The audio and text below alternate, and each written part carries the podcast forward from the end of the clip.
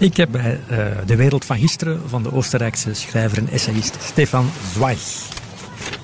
Ja, het is eigenlijk vrij simpel. Het is een autobiografie, maar tegelijkertijd is het ook een, ik zou bijna durven zeggen, een biografie van het Europa tussen 1880 en 1942, het moment dat Zweig samen met zijn vrouw in Brazilië zelfmoord pleegt. Het begint dus in, rond 1870, 1880 in Wenen. En toen al was er een grote droom van een eengemaakt Europa. En langzaam maar zeker voel je dat dan afbrokkelen naar het nationalisme, wat dan leidt tot de Eerste Wereldoorlog en daarna naar de Tweede Wereldoorlog.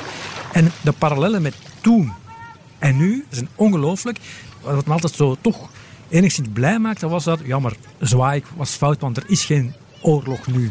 Helaas is die er nu wel. En ik dacht ook van, ja maar 1929, de beurscrash, die is er ook nu, nu niet. Als ik kijk naar mijn portefeuille, moet ik toch zeggen dat ik de voorbije maanden best wat geld heb verloren. En waarom moet je dat dan lezen aan het zwembad? Omdat het je echt inzicht geeft in wat er nu gebeurt, terwijl het eigenlijk al 100 jaar geleden gebeurd is.